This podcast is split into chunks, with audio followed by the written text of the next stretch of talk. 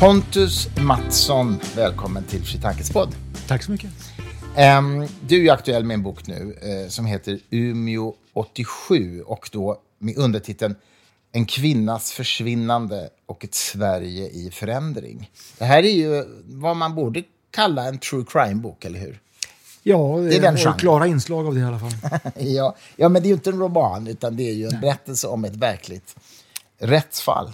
Men innan vi pratar med boken skulle jag börja, vilja börja lite grann med dig. Den, den heter ju Umeå 87. Den handlar om någonting som hände just i Umeå 87. Vad är din relation till Umeå? Jag är uppvuxen i Umeå. Ja. Bodde där mellan jag var ett och 20 år ungefär. Hur var det? Det var bra. Det var en trevlig stad och är en trevlig stad att växa upp i. Eh, mycket som händer och det har blivit än mer sen dess. Jag hade flyttat från stan precis vid det där tillfället och sen har ju stan vuxit ännu mer under de åren som har gått sedan dess. Ja, just det. Du, när är du född? 1965. 65, ja. Du är ett år yngre än vad jag är. Och, um, men, men hur är det att vara tonåring, undrar jag då, i en stad så långt från Stockholm? ja, det finns ju fler städer än Stockholm i den här världen. Eh, ja, det var väl... Eh, i jämförelse med många andra städer så är det nog en bra stad. Den, eh, när jag växte upp det fanns ju ett eh, musikliv. Det var många som spelade i band, bland annat, bland annat jag själv. Eh, det fanns ju hyfsat med biografer och sånt i jämförelse med andra städer i mm. Norrland och framför och inte jäm, minst i jämförelse med mindre orter i Norrland där det inte kanske finns någonting. Mm. Eh, men det är klart att det, de stora grejerna eh, i den stora världen, de händer ju på andra ställen. Mm. Du kom ju sen att bli journalist och är väl nu då utrikeskorrespondent i London, eller hur? Ja. I England. Eh, för Sveriges Radio. Ja. Inte SVT, för du har ju varit där en del också. Jag jobbade på SVT i drygt sju år, men nu är jag tillbaka på Sveriges Radio. Mm. Ja, precis. För man, precis, man förknippar dig liksom med båda, båda public service-bolagen. Eh, men okej, okay. Umeå 87 du skriver den här boken om, eh, om en väldigt tragisk händelse där. Kan du berätta först och främst, vad är, vad, vad är, vad är storyn i grova drag? Vad är det handlar om? Ja, det handlar om den 19-åriga flickan Sara Eriksson som försvinner efter en kväll på krogen inne i stan. Mm. Eh, hon är borta och polisen börjar leta. Och eh, ganska snart får man kon på en man som han tror sig veta har fört bort henne. Hon har fått lift med honom. Mm. Han har kört ut i skogen och eh, sen har hon försvunnit där. Ja, just det. Och eh, det är inte riktigt som man tror. Jag vet inte hur mycket du vill avslöja om det här kanske. Det får du avgöra själv. Men... Ja, men det, vad som då händer är att det blir en lång eh, utredning där man letar efter eh, henne och eh, polisen håller på i veckor och man är övertygad om att eh, utan att hitta henne. Mm. Och eh, den här mannen lämnar konstigare och konstigare besked men eh, grunden är att hon har försvunnit i skogen där. Men efter allt letande så känner sig polisen övertygad om att så kan det inte ha gått till. Mm. Hade hon försvunnit på det sättet så hade hon eh, hittats, mm. vilket hon inte gör. Eh, och till slut så erkänner han då att han har mördat henne. Mm. Eh, och eh, han blir också dömd för detta. Och saken läggs till handlingarna Eh, ett år senare så hittar man kvarlevorna av Sara Eriksson. Eh, ett han, år senare? Mm. Ja. Han har alltså inte mördat henne på det sättet som det har beskrivits, så på det sättet han har blivit dömd. Och eh, hon har då, tror man, och utredningen pekar på det efteråt, att hon har då sprungit iväg och eh, fastnat i skogen och eh, frusit ihjäl helt enkelt. Mm. Och blivit liggande där och man hittade henne aldrig. Mm. Um, det, här, det här intresset av en uh, svensk true crime-historia, vad, vad, vad, kommer det ifrån? så att säga? Det är klart det är din journalistiska ådra här som arbetar, men varför ville du skriva om just det här fallet? Ja, därför att jag hade då flyttat från stan precis när det här inträffade. Och I början när hon var borta och polisen letade så mycket, då var det här en riksangelägenhet. Det stod ju om det här i rikspressen också. Kvällstidningarna skickade hit folk, det bevakades eh, eh, dag för dag. Det var nya spår, spår efter Sara, var är hon borta? Så här säger den misstänkte. Det var fotografier, intervjuer med anhöriga och så. En, mm. en ganska vanlig journalistisk genre. Och när det då händer i ens hemstad så blir man ju extra intresserad förstås. Mm. Och sen eh, efter någon månad så erkände ju då den misstänkte gärningsmannen och eh, det, det blev rättegång och det var så massa obehagliga detaljer om vad som hade hänt med henne. Och, eh, men det var ändå klart och på något sätt saken lades till handlingarna. Mm. Och sen ett år senare så hittar man henne. Mm. Och det visade sig att ingenting stämde riktigt egentligen? Nej, delar stämde, men, men huvudsaken att hon då skulle ha eh, eh, blivit mm. dödad, stoppad i en sopsäck, uppeldad på en sopanläggning, mm. stämde ju inte. Nej, precis. precis. Du, eh, innan vi fortsätter prata om fallet så lite grann tillbaks till dig. När du växer upp då i Umeå, eh, vad är det som får dig att lämna stan till att börja med?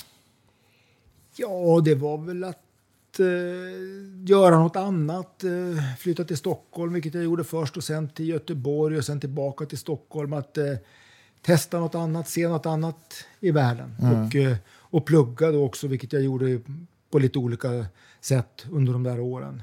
Eh, det var mer att eh, eh, se något annat än Umeå som jag då hade ja. bott i hela mitt liv. Vad gjorde dina föräldrar i Umeå? Eh, min pappa har varit allmänläkare och min mamma sjukgymnast. Okej, okay, okej. Okay. Det var aldrig ett alternativ för dig att gå i pappas fotspår? Nej, det har det inte varit. Jag har inte haft det intresset helt enkelt. När föddes liksom journalisten i dig då? Ja, det var förhållandevis sent. För jag läste först eh, eh statskunskap och sociologi och lite kriminologi och sådana mm. samhällsämnen. Jag har ju alltid varit samhällsintresserad. Mm. Och eh, det var då när, när jag liksom läste de där ämnena ordentligt om statskunskap och politik och följde ju tidningarna också väldigt mycket och läste allting som hände i dagspolitiken. Och, och på så sätt så blev jag intresserad av att liksom kunna jobba med det på det sättet. Och sen eh, när man ändrade reglerna för eh, intagningarna på Journalisthögskolan, att högskoleprovet var en väg in i större utsträckning än vad det var tidigare, så sökte jag in och, och kom in där också. Mm. Hade du liksom någon... Fanns det någon idealistisk sida i din journalistik? Vad, liksom, vad ville du göra med ditt journalistiska värv? Från början? Mm, ja, det har väl inte varit någon sån där riktig att eh, avslöja de stora sanningarna så riktigt eller stå på den lille mannens sida så i grunden. Men eh, Alltså man vill ju förstå, för reda på hur saker och ting förhåller sig på riktigt, komma så långt det går mm. i historier och inte nöja sig med det som då politiker i mitt fall, vilket jag, eftersom jag har jobbat med det allra mest, eh, vad de bara säger utan vad de också menar och vad som ligger bakom det de säger och eh, eh vad det finns för alternativ till det, de förslag som de presenterar. Mm.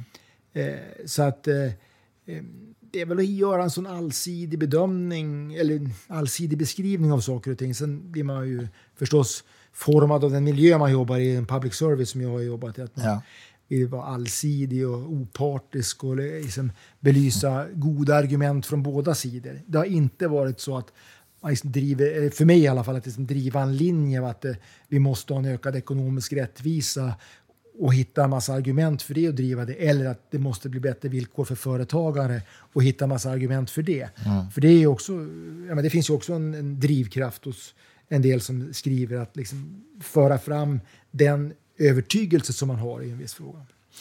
Under den tid som du har jobbat i public service, upplever du att public service generellt klarar den här opartiska balansen? Eller, ibland anklagas ju public service från olika håll för olika saker. Va, vad säger du om det?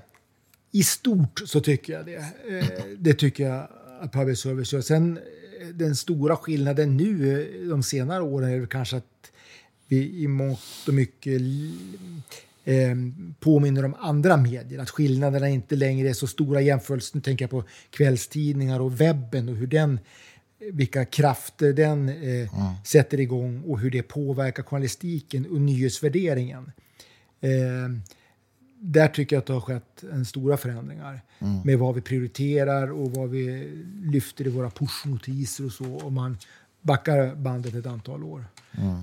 Men när det gäller den här opartiskheten så tycker jag att i huvudsak så tycker jag att public service klarar det. Jag vet att det har varit massor med eh, anklagelser till, både från, framförallt från höger till att börja med, men på senare år även från vänster ja, om att det ska vara för Sverigedemokratvänligt och, och, och, allt vad det är. Men jag tycker att det där är... Och det, det finns säkert exempel på eh, detta. Eh, på båda saker. Men mm. i huvudsak så tycker jag att public service klarar det bra. Du har ju faktiskt varit lite specialiserad på Sverigedemokraterna. Eh, skrivit oh. två eller tre böcker? Två böcker. Två böcker om detta. Vad, hur kommer det sig att du ville titta på just dem? Ja, jag har jobbat med politik då och gjorde det också. Det här var efter, i samband med valet 2006 som jag började titta på dem mer. Då eh, gjorde de ett bra val. De fick 2,9 procent och kom in i hälften av landets kommuner. Mm.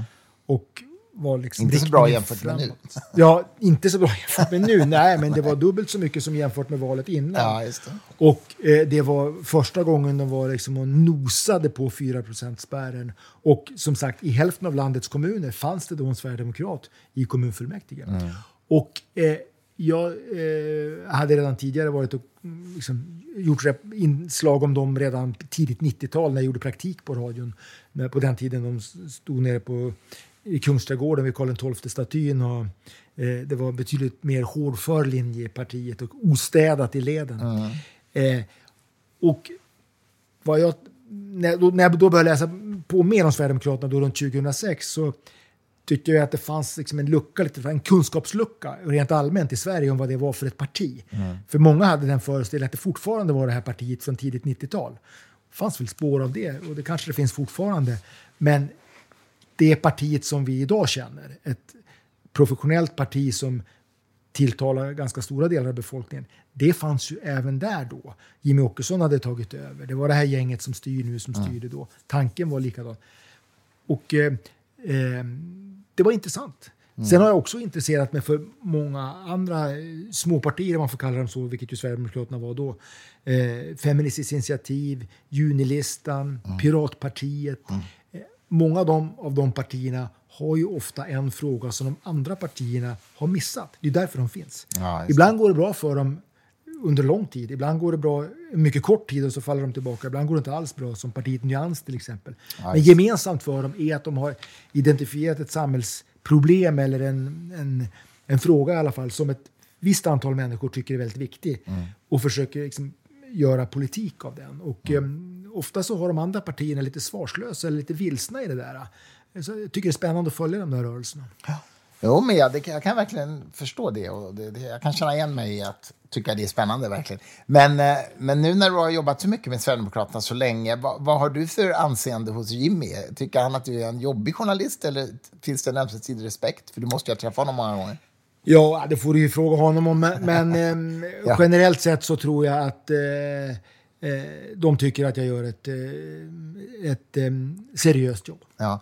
Hur gick det förresten med den här killen som skulle göra deras vitbok? Och kommer du ihåg, och som sen avslöjades med att var parti, hade varit partimedlem och det blev en stor nyhet av det. Kommer du ihåg det? Att han skulle skriva deras historia och det skulle komma ut, det kom ut en del och sen skulle det komma en del till. Vad har hänt med det? Det stämmer. Del två vet jag faktiskt inte. Eh, nu har jag varit lite. i London här sen i höstas, så jag ja. har inte följt det där. Men jag pratade med honom för ett år sedan i alla fall, eller förra i våras. Han som skrev den? Ja. Mm. Och då skulle den ju komma sen. Den var ju på gång då, eller var framskjuten lite grann. Men jag vet inte vad som har hänt med del två. Nej, vi, får, vi får googla på det. Men du, och nu är du alltså utrikeskorrespondent i England. Hur, bor i England? Ja. Var någonstans? I London. Sveriges Radio har en lägenhet där. Hur känns det? Det känns eh, roligt. Det är jättekul att kunna få kasta sig in i ämnen som man inte kan så jättemycket om och få lära sig nytt. Och det går inte att bara slå på autopiloten utan man får börja på, om inte scratch så åtminstone liksom eh, läsa på från grunden för att kunna fatta mm. de olika grejerna. Och sen är det också förstås en massa för mig helt nya ämnen och bredare ämnen. Nu blir det ju väldigt mycket politik. Dels för att det är intressant, det väntas ju val i år där. Mm. Eh, men också för att jag är intresserad av det så hamnar man lätt där och följer det. Men jag gör även en del sport och kultur och mm. får göra en massa andra ämnen så det är jätteroligt. London är ju en ganska stökig stad. Jag har varit där mycket också. Det är ganska smutsig och ganska stökig, men, men du trivs alltså? Ja, men sen är det också smutsigt. Det, det är ett eh, samhälle som jag inte riktigt hade väntat mig eller vetat om. Att det tycker det är tuffare när man har kontakt med myndigheter där, mm. eller, och, och, även företag. Det kan vara allt ifrån revisionsbyrå som man har hjälper med, med deklarationen eller en advokatbyrå som hade hjälpt med att söka visum. Mycket krångligt, byråkratiskt.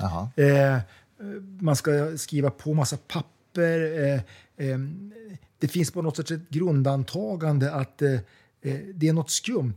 Om man åker tunnelbana eller eh, tåg eller buss så är det överallt eh, skyltar eh, med uppmaningar om att man får inte attackera personalen, man får inte svära åt personalen. Mm. Eh, det är stränga straff för om man gör det. Om man eh, fuskar med betalningen eller har glömt sitt kort så är det dryga böter som väntar. Mm. mycket, det pågår hela tiden en sån där... man, man, man möts hela tiden av sånt. Intressant. Är det, är det nytt i England eller är det bara det att du inte har vetat om det? Så att säga?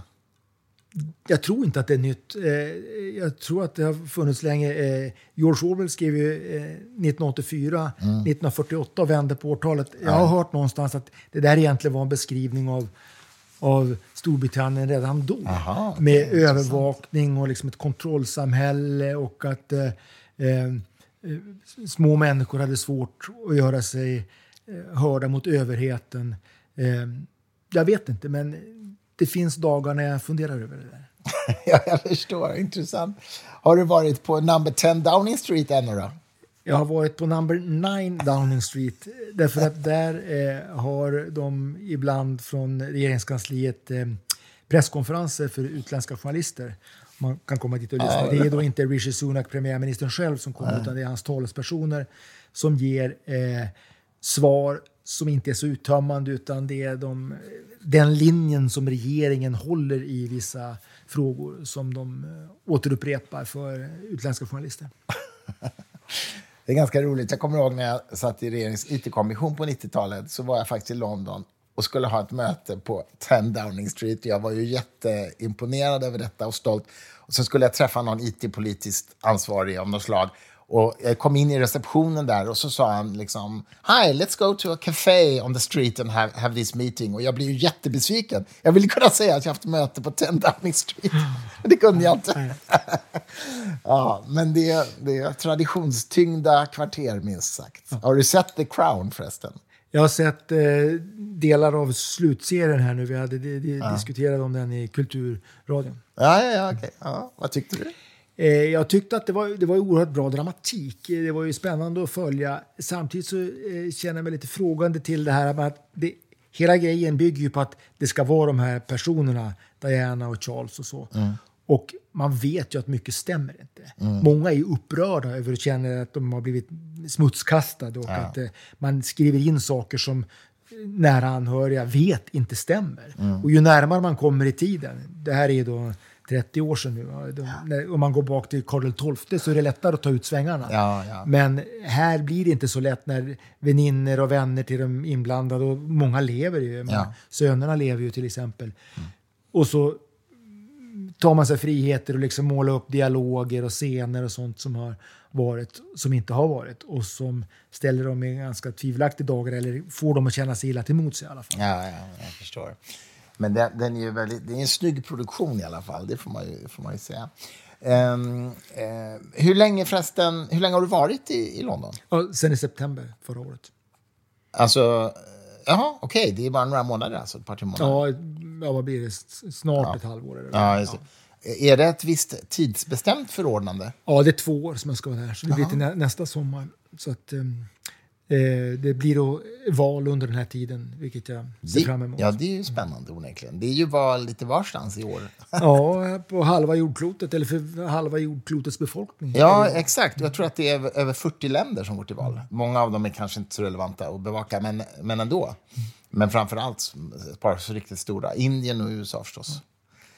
Mm. du, tillbaka till Umeå 87. För det, det som är roligt med den här boken är ju, tycker jag, att inte bara är en true crime-historia om ett brott, utan det är ju faktiskt en skildring av Sverige vid den här tiden. Um, en, en skildring av ett Sverige i förändring, som ju också undertiteln säger.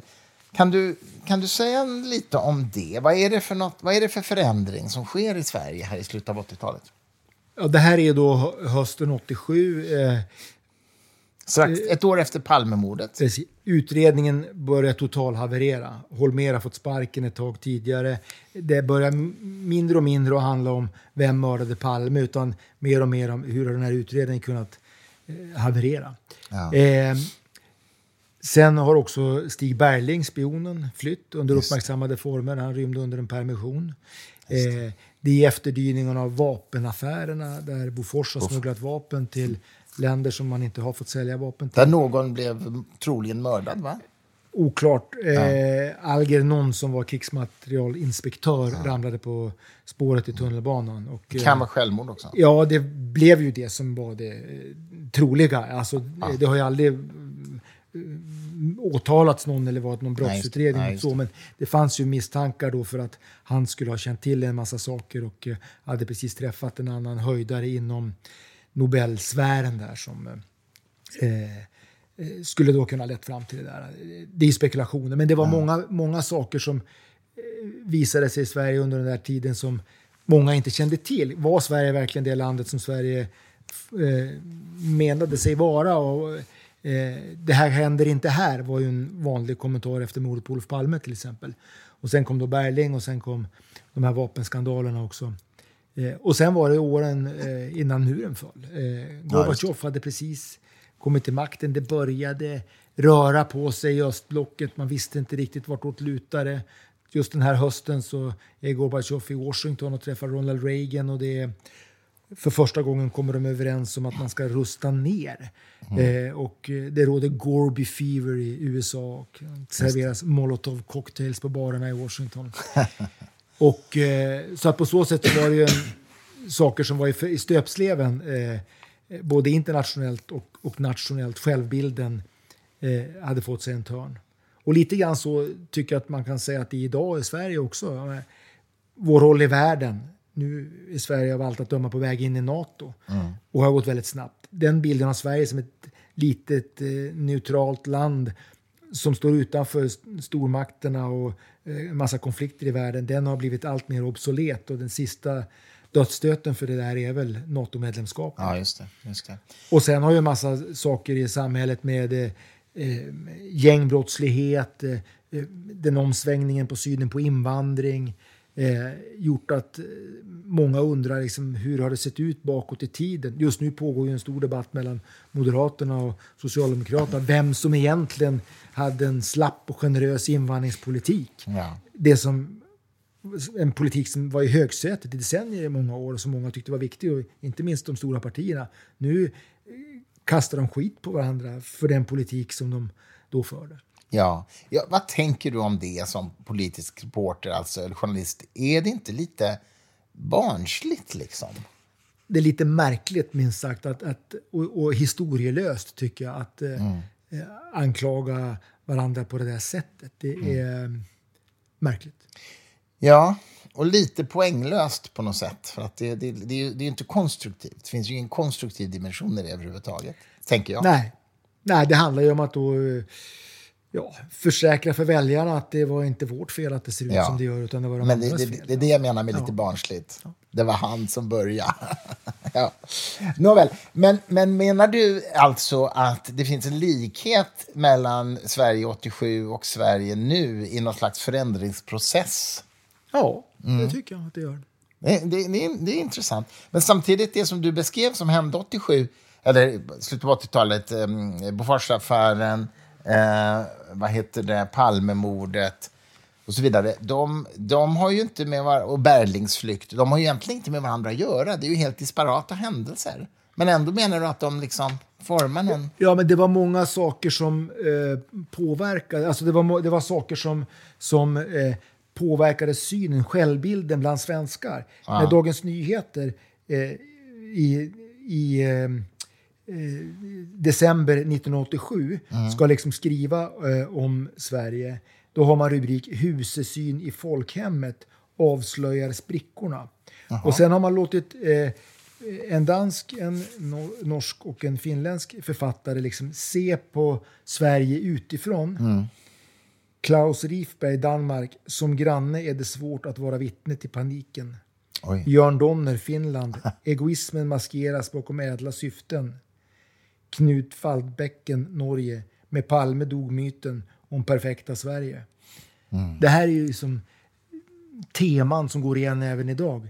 Ja. Det reser hit eh, utländska journalister och pratar om Sverige som ett, eh, ett skräckland. Det svenska tillståndet talas det om i Norge. Eh, och- Med gängkriminalitet och Precis. så. Mm. Och, och eh, många undrar vad är Sverige för ett land? När du då som, som mycket ung eh, vid den här tidpunkten, eh, jag försöker tänka här, vad, just det, 84 var jag 84 var jag 20 år, du var 19 år 84. Alltså, det var precis i början på 20, 20-årsåldern.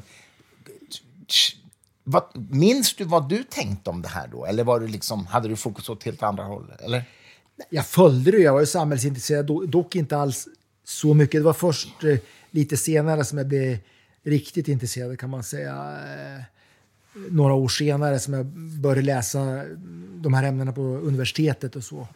Eh, s- ja, ja, men det är klart att Pal Palmemordet upptog ju mycket energi förstås. Och, eh, Berlings rymning minns jag inte att jag följde i detalj på den tiden, men det är klart att det var ju ett fiasko. Det var helt osannolikt hur en spion kunde få permission och bara liksom gå ut, få sova hos sin fru och sen få bara promenera ut mitt i natten och kunna Han gick väl ut bakvägen ja, på något sätt? Ja, Ja, det, Säpo satt på framsidan i bilen och vaktade. det känns lite naivt, minst sagt. Ja, men det kanske var så att Sverige liksom gick ur sin naiva barndom på något vis där. Och det kunde inte vara, ja, man fick lämna det naiva, även när det gällde då höga politikers säkerhet och sådär. Ja. Idag skulle väl ingen politiker på den nivån gå utan livvakter på gatan. Nej, nej, så är det förstås. Och ändå har jag i alla fall en känsla av att det är mycket mindre bevakning än i många andra länder. Ja, det är det. I Storbritannien då, det är ju, där är ju väldigt mycket. Och det går inte att komma nära Downing Street som vi pratade om innan till exempel. Ja, den gatan är ju sedan ganska många år nu helt avspärrad. Man kommer inte in på gatan utan eh, speciella eh, inpasseringstillstånd. Jag har själv reflekterat över det. Jag har vänner i politiken suttit regeringen, som har suttit i regeringen och när man har suttit på en restaurang på stan i, i, i Stockholm. Och det sitter förvisso Säpo-vakter, men de sitter liksom vid ett annat bord en bit bort. Och en galning skulle mycket lätt kunna gå fram från gatan. De skulle inte hinna fram helt enkelt. Och det, det förvånar mig. Ja. Det, det, så naiviteten är väl inte helt borta, kanske. ja, det är i alla fall en reflektion. Em, du, avrundningsvis, jag ska börja avrunda, men jag tänkte bara fråga, vad, vad, vad ser du framför dig för läsare? Vem, vem har du skrivit den här boken för? Eller vilka? Jag har skrivit den för att jag själv är intresserad, men jag tror att folk som är samhällsintresserade, eh, kanske faktiskt ur flera olika generationer, eh, skulle kunna tycka det här är intressant. Jag har pratat med några som har läst den som tycker det är väldigt roligt och de är ungefär i min ålder och kommer ihåg väldigt mycket men har liksom lite dunkla minnen. Hur var det egentligen med, med ja, men Berling och med, med eh, olika händelseförlopp som händer. Eh, Som ju du skildrar ganska som, ordentligt. som eh, skildras. Eh, Omselemorden, Just Ebbe Carlsson-affären, eh, aids-vågen och liksom, den information som fanns från Socialstyrelsen på den tiden. Som ju, man ju kan påminna sig om när pandemin eh, härjade här också. Visst fanns paralleller där också. Eh, så kan det liksom man får lite påminnelser om hur det var på den tiden. Men även för sådana som är mycket yngre och som är, bara har mycket vaga begrepp om vem Ebbe Carlsson var till exempel. Kan man ju faktiskt lära sig vem det var. Ja, han var ju en fascinerande person. Ja, Bokförläggare, ja det var. Bland annat. bland annat. Ja, precis. Du vet, vi bokförläggare kan ha många eh, vad heter det? Strängar S i rock- på sin lyra. Strängar på sin lyra, precis. precis. Ja, men apropå aids, eh, jag minns ju det mycket väl också. Jag var ju liksom eh, ung ute i, i nattklubbslivet i Stockholm på den tiden och det, man tyckte det var jävligt läskigt. Alltså. Och jag faktiskt lunchade idag med en eh, medicinare som jobbade på infektionskliniker då och han berättade att man, man visste ju inte från början riktigt hur det smittade eller hur smittsamt det var. Så man hade ju liksom nästan rymddräkter på sig då för att Mm. Apropå Jonas Gardells boktitel, mm. Torka aldrig tårar utan handskar, vilket ju är en briljant boktitel för övrigt. Eh, men det var ju så. Oh. Och, så det, ja, vi som är tillräckligt gamla för att minnas det där, eh, det, det var ju fruktansvärt faktiskt. Stor tragedi. Och samtidigt är det ju så otroligt, tycker jag, vad vetenskapen har kunnat åstadkomma där. Alltså idag oh. kan ju eh, så att säga, hiv-positiva personer leva ett fullgott liv. Oh. Långt liv. Oh.